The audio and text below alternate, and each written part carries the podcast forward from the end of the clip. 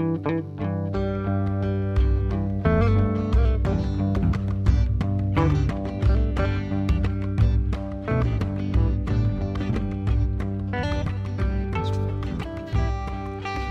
Six Point One Jeronimo The World Son of Jogja. Assalamualaikum warahmatullahi wabarakatuh Kanca Muda Jogja. Hai, halo.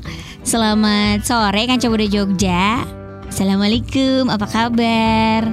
Sehat Kanca Muda? Mudah-mudahan sehat-sehat aja ya Dan sekarang udah standby buat dengerin Sasi Soma Sana sini soal agama Setiap hari Jumat sore jam 4 nih Kanca Muda Jogja Nah, kalau Kanca Muda Jogja udah ngikutin dari yang minggu lalu Ini nih ini adalah sambungannya dari episode lalu nih Kaca Muda Jogja ngomongin soal jodoh kan gitu. Uh, temanya adalah hati-hati dengan jodohmu. Aduh, hati-hati dengan jodohmu Kaca Muda. Kalau kemarin hati-hati dengan jodohmu kalau belum menikah, bener ya Pak Ustadz? Hmm. Nah kalau sekarang hati-hati dengan jodohmu.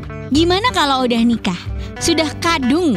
Terus harus bagaimana? Nah kita mau ngobrolin ini Kaca Muda Jogja pastinya seru Makanya Kanca Muda tetap aja di situ. Streaming bisa lewat Jogja Streamers atau download aplikasi Noise. Kamu dengerin dari situ gitu ya. Kalau sekarang lagi di mobil santai gitu ya, dengerin di mobil kamu Kanca Muda. Nanti kalau udah sampai rumah ya itu bisa lewat aplikasi atau lewat handphone gitu. Cari aplikasi radio Kanca Muda gitu. Nanti colok tuh headset gitu terus dengerin atau kalau memang masih punya radio konvensional, hai dengerinnya dari situ sasi somanya ya. Nah, kalau hati-hati dengan jodoh nih Pak Ustadz, terus ketika ternyata kita kan uh, udah dapet jodoh gitu ya, udah nikah gitu, udah terlanjur nih, namanya kadung gitu. Terus gimana tuh Pak Ustadz? Ya, jadi kalau kemarin kita bicara kancam mudah mengenai jomblo ya. Ya kalau jomblo rambu-rambunya udah kita kasih nih. Sehingga insya Allah kalau nanti kamu mau cari jodoh mudah-mudahan udah sesuai dengan ya arahan Sasi Soma part 1 kaitan dengan hati-hati dengan jodohmu. Karena jodoh itu betul-betul seperti pintu ya. Ketika kamu masuk ke sebuah uh, rumah dengan pin, uh, sebuah area lah. Nah, kamu salah milih pintu ya seperti kayak permainan gitu loh lah. Hmm. Kalau kamu salah milih pintu, kamu akan ketemu dengan kegelapan, uh, tidak beresan itu kan. Sebetulnya rambu-rambu dari Allah itu sudah kelihatan melalui istiqoroh yang kamu lakukan, melalui dengan uh, beberapa hal yang kamu lakukan. Nah, sekarang kita nggak berandai-andai karena ini sudah menikah. Ini kita sekarang hmm. untuk edisi yang sudah menikah. Nah, ketika menikah, uh, Anda merasa ini jodohku atau bukan ya? Kok kelihatannya bertengkarnya lebih sering daripada nggak bertengkarnya. Mm-hmm. Kelihatannya kok rasanya dari bahagia nggak bahagianya lebih banyak nggak bahagianya. Kok rasanya nggak begitu perhatian dengan aku. Kok rasanya, kok rasanya dan sebagainya. Ya tidak dipungkiri kanca muda kalau sebelum menikah semua adalah berbau khayalan, semua berbau prediksi dan semua berbau harapan. Iya, iya. Itu semuanya iya, sama. Iya, ya, semuanya sama. Ketika kamu mau menikah dengan orang itu kamu adalah all about ekspektasi. Jadi oh, iya, iya, iya, dia betul, nanti betul. akan menjadi suami yang royal, gampang hmm. ngasih uang sama aku kata perempuannya gitu kan. Kalau aku minta ini dikasih, ditransfer, pokoknya hidup kan bahagia dengan dia. Begitupun seorang laki-laki. Nah, dia akan merasa bahwa ini manut sama aku, dia taat pada aku, dia nggak bakalan ma minta banyak-banyak dari aku. Nah, ini kan hal yang tidak pernah dibuka ketika pacaran kan adalah mm-hmm. keterus terangan dalam hal keuangan itu jarang dibuka. Mm. Nah, makanya ketika orang menikah itu harusnya kan dikasih tahu saya itu itu yang kaya bapakku lu bukan aku. Kalau bapakku memang miliaran uangnya, kalau punya aku rekeningnya sekian dan sekian. Nah itu nggak dibuka kenapa? Karena takut nggak jadi. Nah itu salahnya orang yang menikah itu nama itunya duit dulu misalnya gitu kan. Nah dia salah di sana. Nah jadi karena gara-gara salah di niat, akhirnya begitu dia menikah terjadilah dari ekspektasi yang jomblo begitulah menikah dia menjadi fase realisasi atau realistis mm-hmm. yang pragmatis yang kemudian dia kaget jet lag oh ternyata uangnya suamiku nggak begitu banyak mm-hmm. oh ternyata istriku mintanya macam-macam mm-hmm. oh ternyata banyak tagihan yang nggak bisa tercover Nah, repotnya dia itu seperti menyalahkan pasangannya, bukan membuat solusi.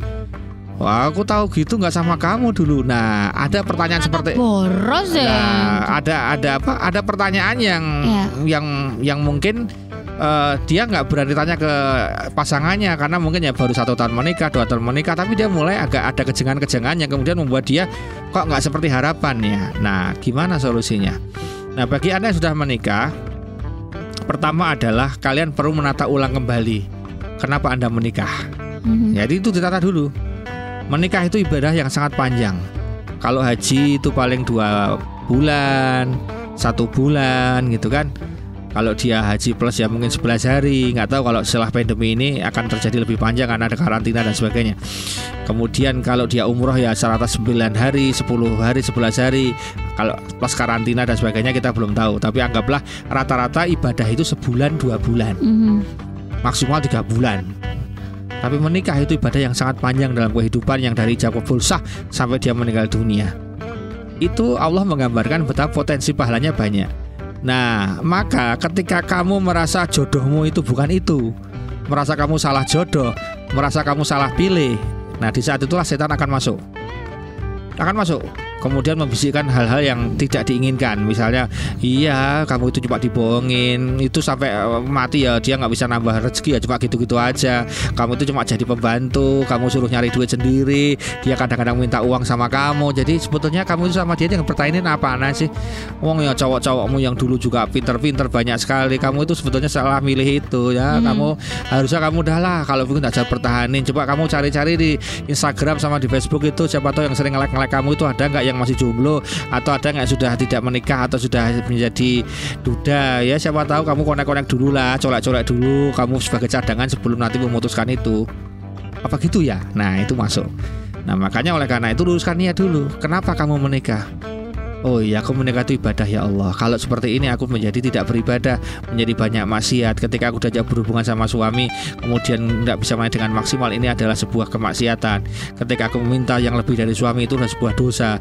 Akhirnya dia kemudian ketika nawaitunya ibadah Dia menyesuaikan. Jadi semua harus berawal dari dulu niatnya apa? Hmm. Saya sering sekali briefing sama istri itu Ayo niatnya untuk apa? Niatnya untuk apa? Karena dari niat itu menyesuaikan segalanya. Itu niat itu sangat besar pengaruhnya dalam kehidupan kita kita puasa ya lah. Kalau udah niat puasa, walaupun nggak sahur, aku kuat kok.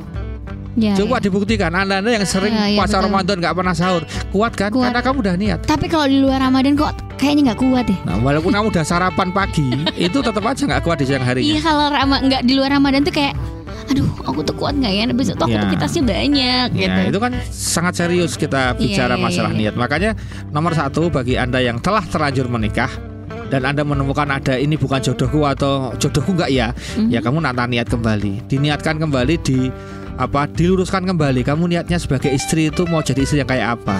Dulu nikah itu kenapa? Mm-hmm. kalau kamu pernah menikah karena nawaitunya adalah ingin kekayaannya maka tolong direvisi. Itu nggak benar karena apa? Karena itu nanti membebani dirimu sendiri. Maka niatkan karena Allah gitu. Mm-hmm. Kalau kamu niat karena ketampanan maka kamu revisi karena ketampanan suami bisa jadi berkurang. Mm-hmm. Kalau kamu niat karena karena nasab, ya namanya nasab siapa tahu kalau kemudian tertangkap KPK terekspos di media massa bahwa dia adalah pelaku hal-hal yang maksiat dan sebagainya. Bagaimana dengan nasabmu? Maka kamu sekarang luruskan semuanya bahwa menikah lillahi taala. Nah, setelah luruskan niat, nomor kedua adalah ajak suamimu, pasanganmu, entah istrimu atau suamimu itu untuk melaksanakan sholat tobat dan tobat nasuah bersama-sama. Nah, okay.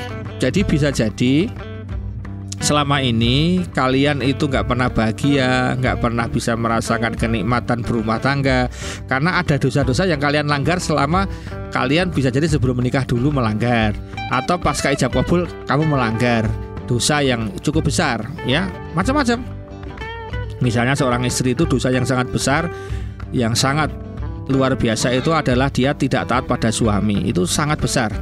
Ngeyel sama suami, hmm. perintah tidak mau, hmm. kemudian getak suami, hmm. bahkan bisa memerintahkan suami, bahkan dia menjadi seperti penguasa di dalam rumah tangganya. Hmm. Itu sebetulnya adalah dosa besar dari istri begitu. Dosa besar yang kedua istri adalah dia mencabut ke apa ya konektivitas bagusnya dengan ibunya suami. Jadi ada istri-istri itu setelah menikah kemudian mencabut itu. Udah mas nggak usah banyak transfer kepada ibu, kepada bapak nggak usah nggak usah sering datang ke sana. Nah jadi dia sudah mulai membuat barrier. Mm-hmm. Nah, istri-istri yang kemudian membuat suaminya itu kemudian tidak begitu taat pada bapak ibunya, khususnya pada ibunya, itulah istri yang sangat dosa besar. Mm-hmm. Nah, itu itu itu yang kedua. Yang ketiga, dosa istri yang sangat besar itu adalah tidak pernah terima kasih pada suami dalam bentuk apa pun itu. Artinya Eh, kadang suami tidak selalu karena ada istri itu yang menilai suami itu hanya dari material berupa uang tok. Mm -hmm. Kalau ada nilai nominal dia terima kasih. Kalau tidak hanya makanan, hanya barang, hanya apa dia nggak terima kasih atau hanya pelukan nah itu nggak terima kasih. Padahal hal seperti itu juga perlu diterima kasih gitu kan itu yang untuk istri jadi lebih kepada satu taatan yang kedua adalah membuat barrier antara hubungan suami dengan orang tuanya yang ketiga adalah ya tadi uh, dia tidak susah untuk terima kasih. Jadi para istri ini kalau sudah biasa terima kasih nanti terhadap hal yang sekecil apa pun dia akan terima kasih. Misalnya terima kasih ya udah mau nemeni jalan-jalan terima kasih ya udah mau mengantar terima kasih ya udah uh, balas WA sudah balas chattingan terima kasih ya terima kasih ya itu akan terjadi. Nanti terima kasih kecil-kecil akan buat terima kasih yang besar-besar gitu ya. Itu untuk para istri. Nah pada suami itu juga ada dosa besarnya. Apa sih dosa besar dari suami? Pertama suami dosa besar itu adalah suami tidak tidak ngasih nafkah pada istri. Itu faktual dosa yang sangat besar. Banyak sekarang kejadian suami itu enggak ngasih nafkah sama istri itu ada. Hmm. Jadi kalau nggak diminta seperti permintaan preman dia nggak ngasih kadang-kadang. Mas ini habis betul gasnya mas. Pokoknya kalau kamu nggak ngasih duit saya nggak masak loh mas terserah terang. Tuh aku angkat tangan anak-anak mau kelaparan ya terserah aku betul-betul nggak punya duit. Ya ya ya baru keluar dia. Ada yang begitu. Nah itu dosa besar untuk para suami tolong diingat itu dosa besar. Mm-hmm. Jadi suami itu harus memastikan listriknya nyala, gasnya tetap ada, minyaknya tetap ada, walaupun itu yang belanja istri. Tapi suami itu memastikan pasokan itu ada karena sandang papan pangan itu milik suami. Mm-hmm. Yang punya tanggung jawab itu suami.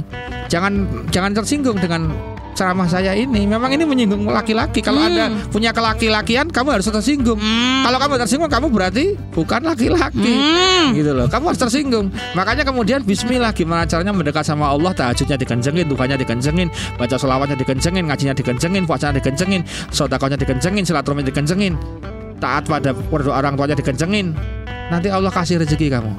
Tapi ingat, kamu niatnya sudah tulus dulu bahwa aku mau memberikan istriku nafkah, nafkah terbaik. Gitu loh. Terbaik itu artinya apa? Cul ora awal. Cul ora awal. Karena laki-laki itu awal punya, burung hantu. Iya, ya? ada awalnya. Laki-laki itu banyak yang punya awalnya. Begitu ngasih des gitu. Awal dia. Oh, oke oke loh. Coba ketika masuk ke dalam tempat apa namanya tempat istri minta ditraktir beli baju begitu kita masuk ke sana begitu ada suami yang bilang ojo larang-larang loh bun. Itu suami yang sebetulnya dosa. Kenapa? Kenapa dia bilang begitu? Kamu nggak usah bilang begitu. Begitu nggak bisa bayar karena ke kemahalan kan dia nurunin sendiri nggak usah bilang. Udah biarin aja. Hmm. ini gimana? Nggak apa-apa tapi ya anda hanya ada uang sekian. Hmm Oh ya ya ya kalau gitu yang ini aja ya. Emang ya, go. Jadi nggak oh, usah iya, iya. nggak usah pakai Boleh kemudian, maksudnya membatasi tapi dengan cara yang baik. Iya, gitu tidak ya. kemudian pokoknya jangan mahal-mahal lo, awas lo. Yang sana aja. Jangan merek yang ini, yang ini, yang ini. Udah, udah dikasih rabu-rabu. nah, itu nggak okay. perlu, nggak perlu. Makanya kalau belum bisa kaya, nggak apa-apa tapi minimal mentalnya kaya lah kalau belum kaya mentalnya nggak pernah kaya kan gimana ya betul mental kaya itu contoh kalau istri anu ya mas beliin tas milih aja bebas terserah kan masalah beli atau beliin atau tidak kan urusan nomor sekian hmm. yang penting kamu bebas saja pilih. Kan gitu kan? Bebas nah. pilih. Tapi nah, ya nanti. harganya murah. Eh, enggak. Bilang tapinya nanti ketika dia membawa tas yang benar dikasihkan ke kita nah ini gimana mas? Bagus. Cuma uangnya adanya segini. Nah, bisa nggak nyesuaiin sebudget kalau bisa hari ini kita beli. Kalau belum aku tetap pengen beli itu. Tapi nabung dulu ya sampai uangnya sampai segitu. Iya, iya. keren itu jawabannya. Bukan ya, tapi kan positif ya attitude-nya oh, positif ya. bukan kemudian ngancam-ngancam begitu makan di tempat. Saya paling sebel kalau masuk ke ruang makan itu. Oh, nggak usah mikir harga. Makan makan aja gitu kan. Hmm. nggak usah dipikir harganya. Karena dipikir nanti jadi gak enak makanya gitu kan. Kadang-kadang seperti itu. Bukan masalah gaya tapi masalahnya adalah memang laki-laki itu settingannya harus begitu. Mm-hmm. nah, dia harus menjadi hero gitu kan bagi istrinya. Nah yang terjadi sekarang kebalik, nggak tahu entah kenapa trennya sekarang itu laki-laki itu memanfaatkan istri. Suruh kerja istrinya lah. Begitu hmm. tambah duitnya banyak tambah seneng dia. Kan kurang ajar mana tambah dia nggak kerja ya kan? Tambah dia santai. Malah kadang-kadang wah. aman bun habis gajian kan bun? Nah rokoknya nih bun. Sopnya bun. Nah, ini malah tak bakar. nah, malah malah istrinya gitu kan. Ya mohon maaf ini kemarin ada postingan di uh, Facebook itu di salah satu komunitas ya yang cukup ngetren di Yogyakarta itu. Ada seorang perempuan posting tentang kebiasaan suaminya yang cuma mancing sama tulanan manuk ada hmm. Eh, gantangan manuk gitu kan. Nggak kerja terus dia ya itu itu jelas salah si istri. Karena apa? Mengumbar aib keluarga di medsos. Di, di medsos itu jelas salah itu. Tapi bahwa itu faktual terjadi di lapangan itu kita akui. Sehingga sekarang ini kenapa nggak tahu saya trennya kok malah suami itu mengkaryakan istrinya untuk kerja. nah, bapak-bapak, para pria yang sudah menikah, begitu Anda mengetahui istrimu itu berkarya dan banyak uang, kamu malah semakin mendukung, artinya semakin tidak mau kerja, ya mohon maaf Anda tidak akan pernah bisa kaya selama-lamanya itu. Makanya kamu harus punya mental kaya. Kaya, artinya istri kerja monggo. Karena itu aktualisasi diri karena dia punya skill karena dia punya hobi. Yang kemudian kalau nggak kerja di rumah malah ngerumpi malah ngerasani. Karena ada loh ibu-ibu itu. Karena sekarang makanya saya ditanya sama orang-orang kan merasa bahas di sasi soma ya bahkan di beberapa pengajian. Ustadz yang betul itu istri yang kerja atau nggak kerja sih? Uh, saya nggak bisa jawab karena itu sesuai dengan kondisi keluarga masing-masing. Kan ada istri itu yang nggak kerja malah gawainnya kelitih lah dia nggak kerja tapi malah ngabisin duit sana sini ngajak temannya gibah sana gibah sini. Mending kalau cuma gibah kadang-kadang gibah sama godain brondong lagi. Nah, ya ada malah pakai uangnya suami untuk foya-foya sama dia. Ya ada orangnya begitu itu ada. Nah kalau gitu itu malah istri harusnya kerja nggak usah di rumah. Nah kalau di rumah itu betul-betul beresin rumah suami pulang itu seperti masuk ke dalam kamar hotel ya toh? Mm-hmm. masuk rumah itu kayak masuk hotel bersih rapi masuk kamar mirip hotel. Jadi dia berfungsi seperti apa? Office boy. Mm-hmm. yang kemudian apa room boy lah. Room, room boy yang membersihkan kamar sehingga suami itu pulang nyaman dengan wah enak baiti janati nah itu nggak usah kerja. Tapi ada loh dia ya di rumah suruh pembantu dia cuma WA-an ngat postang yang tangting tangting malah Gak WA dong scrolling. Ah, istilahnya menjadi scrolling dong bas ah, menjadi hal-hal yang uh, tidak positif itu ya. Jadi isi kerja nggak kerja banyak syaratnya sih. Jadi kita nggak bisa memfonis langsung gitu ya. Hmm, ya, ya, nah, ya. itu. jadi eh, laki-laki uh, tadi dosa pertama adalah dia tidak memberi nafkah enggan memberi nafkah pada istrinya. Ya. yang kedua adalah dia enggan menggali istri dengan baik istri itu butuh digauli dengan baik. Karena digauli itu apakah digaul, selalu berhubungan dengan uh, enggak, seksual ya bukan. digauli itu maksud? lebih berhubungan dengan ini. Jadi namanya digauli itu lebih berhubungan dengan namanya bergaul ya. Bergaul hmm. itu kan ada dari tidur sampai bangun sampai tidur lagi itu bergaul. Nah bergaulnya itu dari semua itu. Karena istri itu kadang-kadang punya kebiasaan contoh ada loh suami itu nggak pernah mau dengar cerita istrinya itu ada. Ya ya. Ada. Jadi dicuekin aja jadi suami itu harus harus bergaul karena istri itu kecenderungannya dia mau cerita. Itu kan ya tugas kita mendengarkan dengan baik. Nah, Betul. Itu seperti itu misalnya. Ada lagi istri itu cenderung ingin dipuji, dipilihin. Nah itu artinya menggauli lah. Kalau menggauli konteks seksualitas itu ya yaitu adalah bahwa istri itu bukan robot. Dipencet langsung oke langsung buka langsung pakai. Itu kan robot. Ya kalau yeah, istri iya. kan ada foreplaynya ada ngobrol-ngobrolnya ada candanya ada apanya. Kan Nabi mengatakan bersumbulah dengan istrimu bercanda -hmm. dulu mm dengan sholat dua rakaat kemudian berdoa bercanda sendagura itu bahasa bahasa beliau. Tapi bahasa kita foreplay. Mm -hmm. ya Pak tahu kan anda sudah menikah ketika foreplaynya tidak maksimal maka istri itu seperti melaksanakan kewajiban. Itu semuanya nggak cepat nggak rampung nggak wes. Ada istri-istri begitu tuh banyak terjadian karena dia nggak pernah bisa menikmati. Istilah bahasa kasarnya dari menikah sampai sekarang saya tidak pernah merasakan enaknya hanya merasakan keramasnya saja. Mm-hmm. dapat keramasnya nggak pernah dapat enaknya ya ada. Makanya perlu dikomunikasikan. Loh mohon maaf ya bapak ibu. Penting untuk kaula tua ini ya atau kanca muda yang sudah menikah.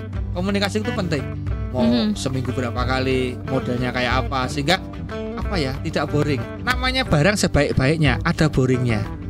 Betul nggak? Mm-hmm. ada boringnya. Pasti. Oh kamu tanyalah sama suami-suami yang isinya cantiknya selangit itu. Kalau tanya boring nggak? Mesti boring. Tapi kemudian kenapa nggak boring? Ya selalu ada variasi dalam kehidupan.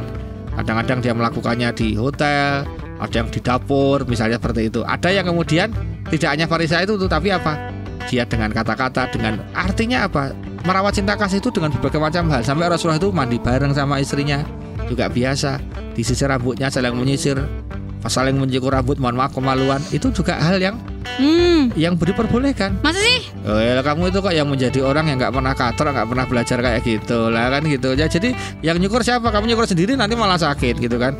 Lo saling mencukur itu hal yang yang yang diperbolehkan dalam Islam.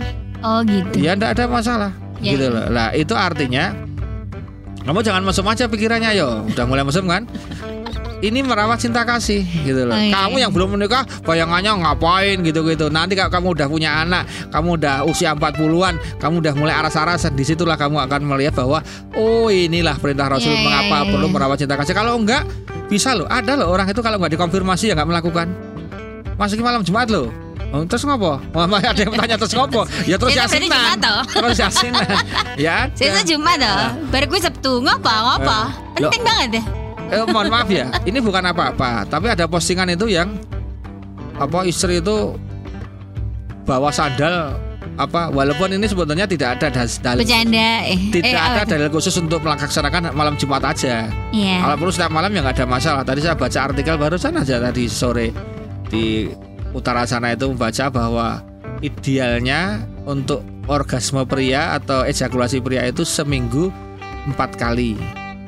Itu kalau bila cara ideal ini sudah diriset itu seminggu empat kali. Padahal harinya ada hanya enam hari. Dan kalau anda bicara ini bukan mantan anyar tapi mantan lawas, baiklah. Mm. Itu betul-betul untuk memenuhi kuota itu itu tidak mudah. Ada orang yang lemesan, kluntrak, kluntruk, tura, turu itu ada loh. Yang nggak ada gairahnya. Maka mohon maaf kalau kamu scrolling scrolling ada obat untuk stamina pria stamina pria itu ya memang diperlukan kadang-kadang. Karena apa? Karena seiring waktu itu bisa jadi loyo. Ya kenapa di dalam Islam itu sampai hubungan badan diatur dengan sangat detail. Kapan-kapan kita bahas Mbak Ella nggak apa-apa untuk sex education syari ya. Karena banyak orang yang kemudian apa setelah usia itu menjadi seperti itu, itu menjadi aras-arasan ya ada Mbak Ella. Mm-hmm. Nah makanya bahaya sekali. Maka dalam Islam itu kenapa ada madu, habatus sauda, minyak zaitun itu ternyata efeknya madu itu vitalitas pria di bidang itu keren. Minyak zaitun itu membuat aliran darah ke situ itu keren. Jadi sebetulnya obat mm-hmm. kuat itu dari herbal sari aja udah cukup cuma kita nggak rutin nomor satu cuma kita nggak yakin gitu kan nomor tiga cuma kita nggak jaga pola makan itu aja pola makan dijaga yakin sama itu dikonsumsi. Saya kira Satil Yahud itu namanya kiai-kiai anaknya banyak sampai tua aja masih produksi. Mohon maaf ya dalam bahasa kasarnya. Mm. Dan itu kenapa? Ya still Yahud dia. Gitu loh. Nah, jadi ini sedikit menyimpang ke seksualitas ya karena elak tanya tadi. Nah, jadi itu uh, eh, kok Ella? Ya, ya nggak apa-apa Ella. Oh, karena menggauli itu apa definisinya? Ya, ya, ya, ya, ya betul. Gitu kan. Pak Ustadz berarti tadi dosa besarnya kan istri itu nggak taat yang pertama, yang pertama, yang kedua bikin barrier ke ortu terutama ibu dari uh, suami yang ketiga tidak berterima kasih sama suami terus kalau suami itu baru dua masih ada lagi nggak ada satu jadi oke okay, kita lanjut nanti ya, okay.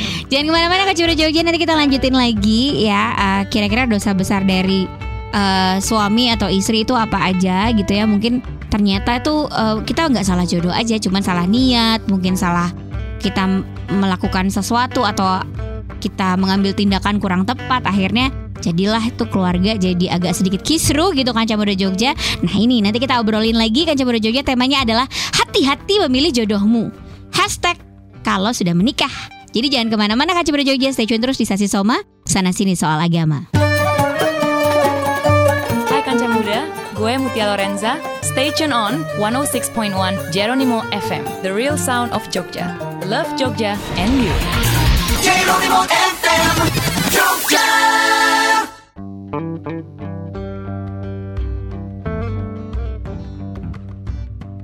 106.1 Jeronimo The World Son of Jogja Balik lagi di Sasi Soma sana sini soal agama nih kan coba di Jogja Barengan sama Ella Arlika dan juga Ustadz Munif Tauhid nih ya Terima kasih buat Kanca Muda Jogja yang udah streaming lewat Jogja Streamers, lewat Noise gitu Kanca Muda.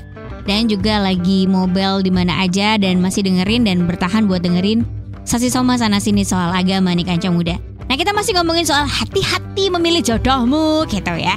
Dan gimana kalau ternyata jodohnya itu sudah dinikahi gitu ya tapi ngerasa kayak salah gitu yang pertama adalah benerin niatnya terus ya dilihat gitu kenapa dulu kamu menikah atau ya kalian memperbaiki diri gitu mungkin ada kesalahan gitu kata Pak Ustadz tadi uh, mungkin ada kesalahan-kesalahan dosa besarnya istri itu apa aja gitu. Nah dosa besarnya ada tiga tadi nanti Allah bakal review lagi di belakang dan suami uh, masih ada lagi nih. Nah tadi uh, suami nggak kasih nafkah istri, terus yang kedua tidak menggauli menggauli istri dengan baik. Yang ketiga apa Pak Ustadz? Yang ketiga suami tidak pernah menuntun istri dan anak-anaknya untuk ke jalan kebenaran. Jadi ingat suami itu tugasnya berat yang paling berat itu bukan masalah rezeki insya Allah Karena kalau rezeki itu Allah sudah mengatur semuanya Mbak Ella hmm. Tugas berat suami itu bukan bagaimana menyediakan sandang papan pangan bagi istrinya Walaupun itu juga berat Tetapi tidak itu Yang paling berat tugasnya seorang suami adalah menggandeng tangan istri dan anak-anaknya ke surga hmm. Itu paling berat Karena banyak suami itu kemudian membiarkan istrinya nggak jilbaban Membiarkan istrinya posting-posting kelihatan auratnya, membiarkan istrinya bergaul dengan orang-orang yang tidak benar, membiarkan membiarkan anaknya membiarkan. Nah, membiarkan itulah itu adalah kalau istri di kalau istri itu apa ya? Istri itu bisa jadi dia salah itu karena pembiaran suami dan itu su, su, suami terlibat.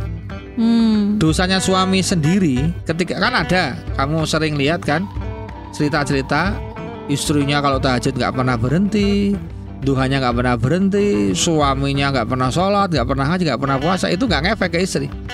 Kalau misalnya di akhirat kemudian suami tetap dalam ketidaktaatan, istri itu nggak dihisap sama sekali. Apa istri itu nggak diperkarakan karena suaminya nggak taat, nggak taat pada Allah.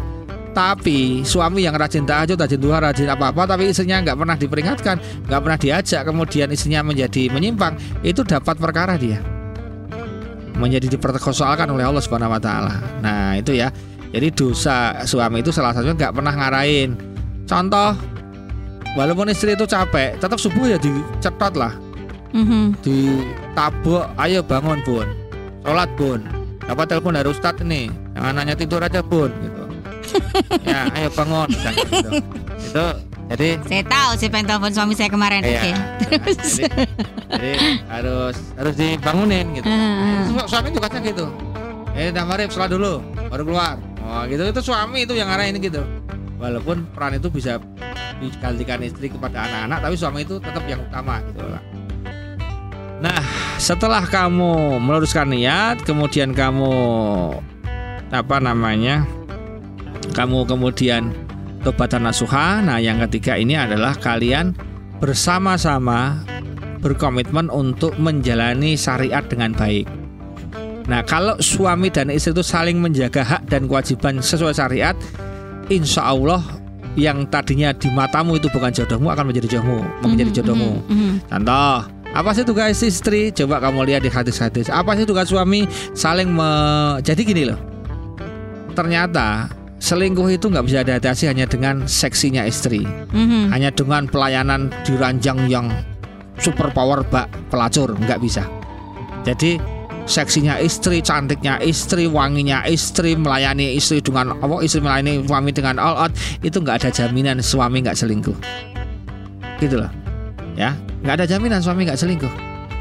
Gitu loh. Itu jelas. Nah, sama nggak ada jaminan ketika suaminya kaya raya istrinya nggak selingkuh. Mm -hmm. Kan ada suaminya kiri, istrinya selingkuh. Ini buat suami mau kaya raya nggak ada jaminan. Kenapa? Karena urusannya bukan di harta, bukan di kecantikan, di ketampanan, tapi di agama. Mm-hmm. Ketika suami dan istri itu saling ngaji, saling tahu ilmu agama, saling belajar syariat, akhirnya tahu sendiri, oh berarti nggak boleh ini ya, oh berarti harus ini ya. Di situlah kita menata kembali. Jadi Mbak Ella, metode. Jadi gini loh, kita nggak usah bicara yang jauh-jauh. Kita bicara misalnya ada aplikasi aplikasi Excel misalnya digunakan untuk hitung-hitungan. Ketika kamu bikin tabel-tabel kemudian ada Excel dan sebagainya itu begitu diklik bisa menjadi maksimal itu kan sudah tertata kan. Mm-hmm. Kamu masukin angka di aplikasi Excel itu kan kamu akan lihat dengan maksimal. Begitu pula ada Word, ada PowerPoint, itu aplikasi yang standar dari Microsoft ya. Mm-hmm. Ini nggak nggak promo ya ada aplikasi lain lah misalnya aplikasi-aplikasi lain ada tentang kasir pengkasiran jadi sampai aplikasi paling rumit mbak Ella mm-hmm. paling rumit itu kan sebetulnya aplikasi di mana kita memasukkan misalnya peduli lindungi itu kan aplikasi ya kan jadi banyak aplikasi yang kemudian dipakai itu kan bagus kan nah Allah itu punya aplikasi Quran dan mm-hmm. hadis. Jadi Quran itu firmannya Allah, hadis itu adalah sabda Rasulullah. Kalau kita pakai dua aplikasi ini, itu selamat hidup kita. Mm-hmm. Dan aplikasi itu nggak pernah ngasih syarat loh. Kalau kamu mau pakai aplikasi harus begini enggak. Mm. Selama kamu mau pakai, siapa pun kamu, asal kamu syaratnya adalah kamu muslim, kamu mau pakai aplikasi itu, kamu akan selamat. Mm-hmm. Yang terjadi adalah suami istri itu nggak pernah pakai aplikasi sudahan dalamnya nggak usah jauh-jauh saya sering mengatakan yang sederhana saja dalam hal adab berhubungan badan misalnya itu hmm. barang banyak yang nggak pakai aplikasi ya akhirnya sobal-sobal ya itu nggak akhirnya nggak maksimal. Ada di luar hubungan badan. Dalam hal misalnya bertamu. Coba kalau kita lihat dari sisi aplikasinya.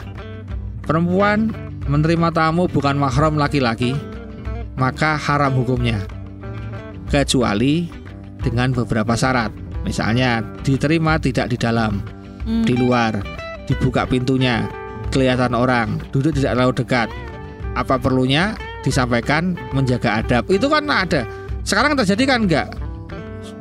Suami pergi ke luar kota beberapa hari, temannya laki-laki disuruh masuk ke dalam rumah, nunut mandi ya boleh, akhirnya terjadi nanti. Ya kamu jangan bilang enggak saya tetap ya sekarang kamu belum merasain begitu kamu masuk ke zona itu setannya banyak sekali kumpul. Ingat tuh ya setan itu kan ada surveyornya juga. Dia artinya mensurvei orang begitu ini sedang berdua gitu dia akan manggil teman-temannya, bro sini bro ini tolong ini ini, ayo kuda bersama-sama ini kurang kuat kalau aku cuma duduk sendirian. Makanya diserbu serbu itu. Nah, lihat tempat-tempat perjinaan itu setannya masih banyak di sana. Untuk Islam menjadi supporter yang arahin gayanya lah, yang wah supporter yang luar biasa. Nah, dari sisi syariat itu kalau kita kerjain akhirnya apa? Oh, istri itu nggak boleh menuntut yang berlebih pada suami yang menerima. Saya pernah bilang kan di sini, bagaimana istri-istri Rasulullah itu demo pada Rasulullah minta kenaikan uang bulanan. Rasulullah di, demo tidak marah, diam Rasulullah, menunggu firman dari Allah turun sebagai petunjuk. Mm-hmm. Turunlah firman dari Allah, keren sekali firmannya. Penuhilah keinginan-keinginan mereka itu jadi suruh memenuhi pokoknya penuhlah semua keinginan mereka itu dan ceraikanlah setelah itu wow itu tegas itu karena Allah melihat ini nggak masuk akal kekasihku nah, itu kan udah tahu kamu siapa udah tahu ke ekonomi kamu kayak apa kok dia minta yang berlebih penuhi itu haknya dia tapi ceraikan setelah itu. Perintah Allah tegas. Loh, berarti apa kita menceraikan istri kita yang minta-minta begitu ya? Eh, bukan gitu cara pikirnya. Maksud gimana? Nah, caranya Kalau nggak minta kan Bukan, bukan. Jadi gini cara cara nafsirnya begini loh. Konteksnya ini adalah nggak puas-puas gitu. Istri tidak mem, jadi hawa nafsunya lebih dominan daripada rasionalitasnya. Jadi gini loh, maksudnya begini, seorang istri kan paham ini suamiku gajinya berapa mm-hmm. ini kayak apa nah levelnya bukan demo levelnya mengajukan proposal ayo kita doa bersama yuk. Mm-hmm. ayo kita gitu loh.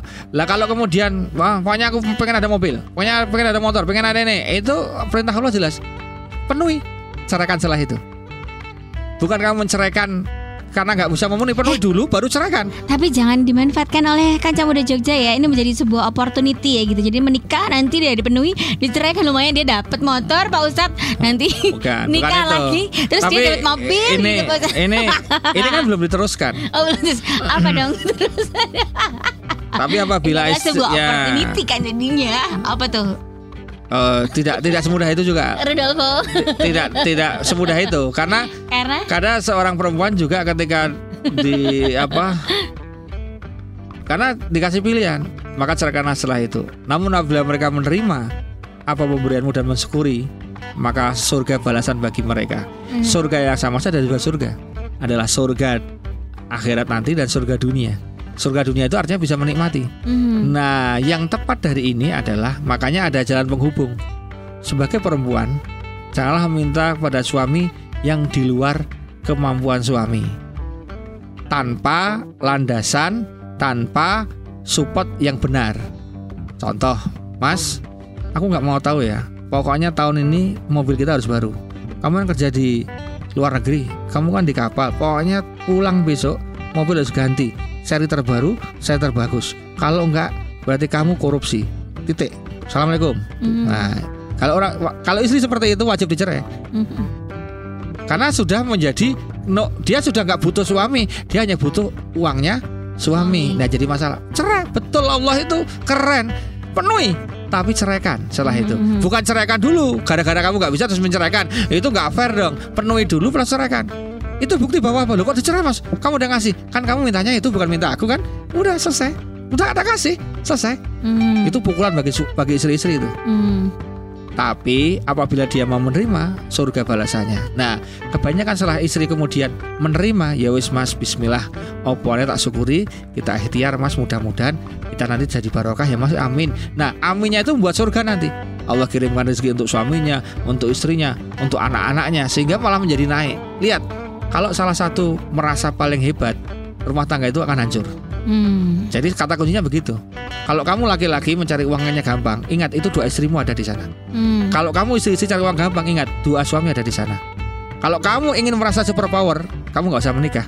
Kamu hidup sendiri aja kalau perlu. Hmm. Gitu kan? Jadi memang konsepnya tuh sebenarnya suami istri itu uh, dorongan dan pantulannya itu barengan ya Pak iya, Ustadz. Ya namanya gitu. suami istri chemistry. Iya, iya, iya, iya. Maka yakinlah bahwa selama sebagai istri nggak pernah berhenti morotin suami dalam bentuk harta, Anda tidak lebih bukan sebagai suami istri, Anda tidak lebih dari preman dalam bentuk dilembagakan secara institusi namanya istri atau suami. Sama aja sebaliknya. Hmm. Jadi jangan pernah menjadikan salah satu itu ladang untuk kamu kemudian morotin. Kata morotin itu morotin itu kan tahu sendiri kan?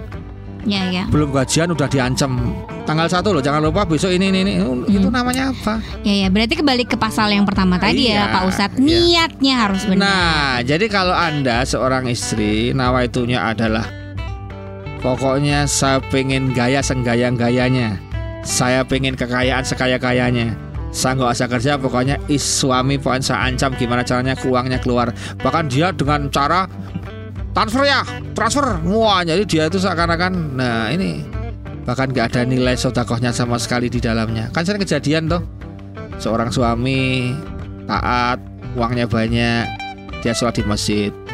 Tiba-tiba AC-nya itu nggak anyap gitu kan. Terus guru guru guru guru guru dan sebagainya. Si suami kemudian merasa kasihan mungkin gitu kan.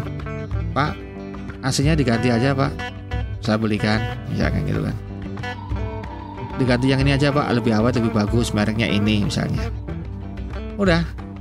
Oh iya pak. Terima kasih sekali. Terus nanti gimana pak? Udah datang aja ke rumah.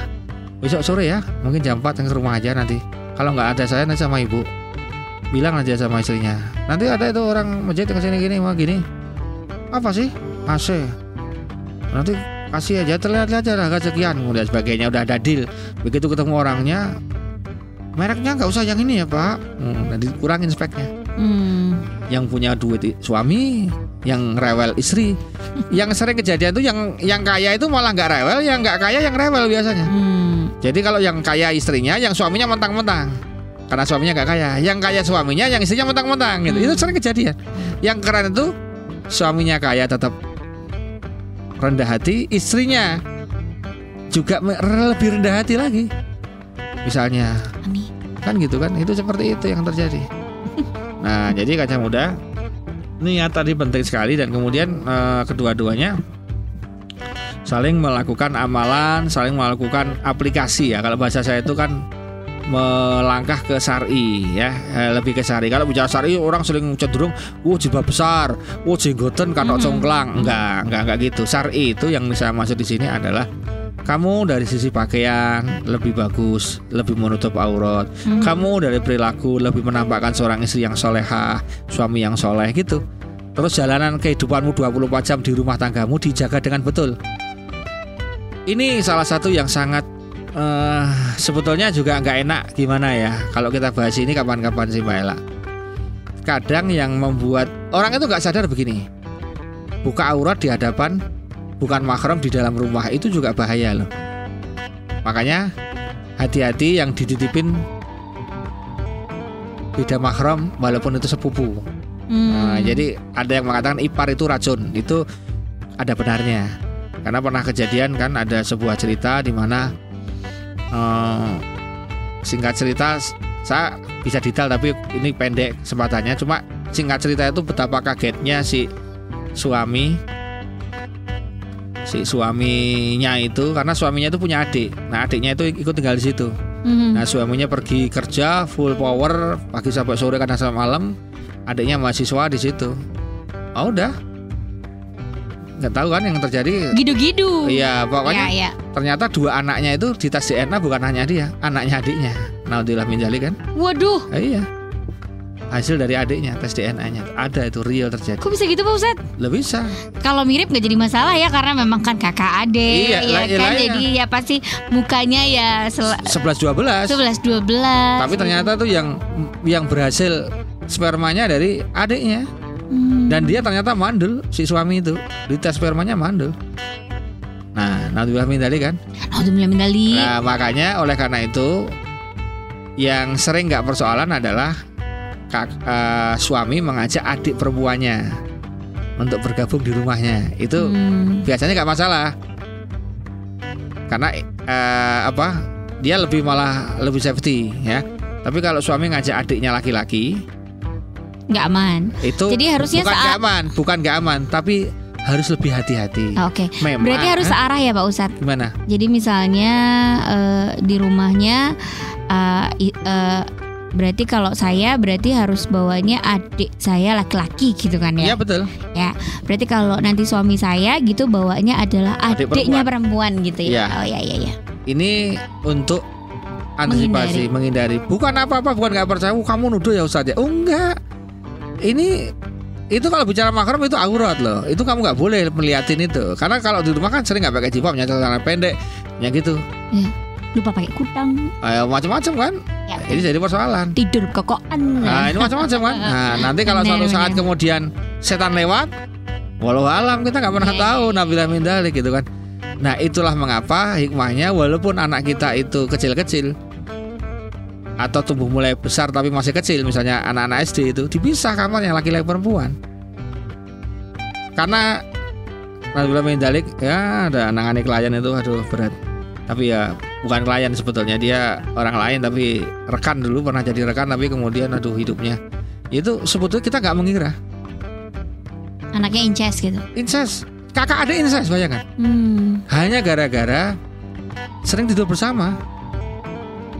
Karena kondisinya rumahnya kecil tidur bersama hamil pak.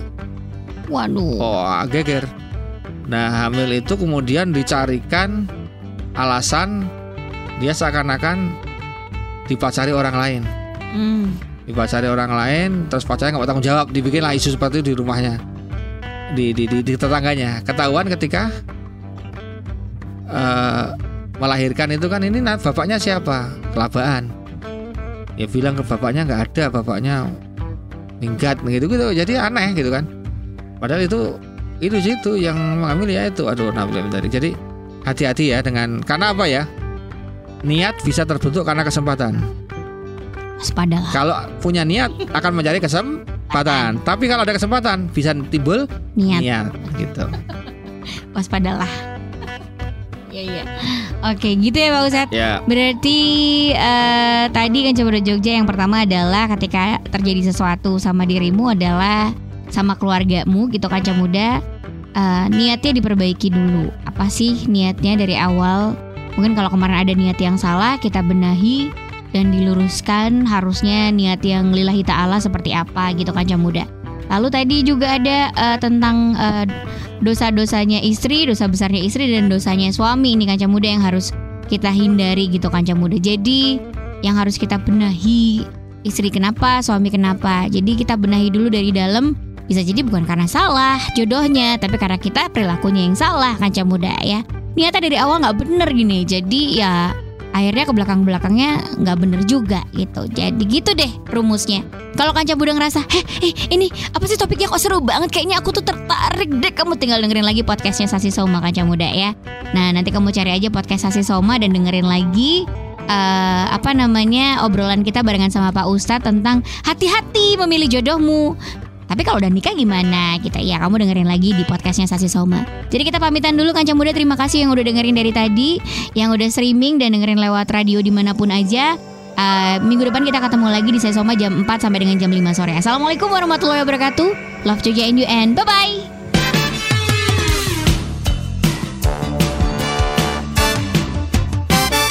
Geronimo.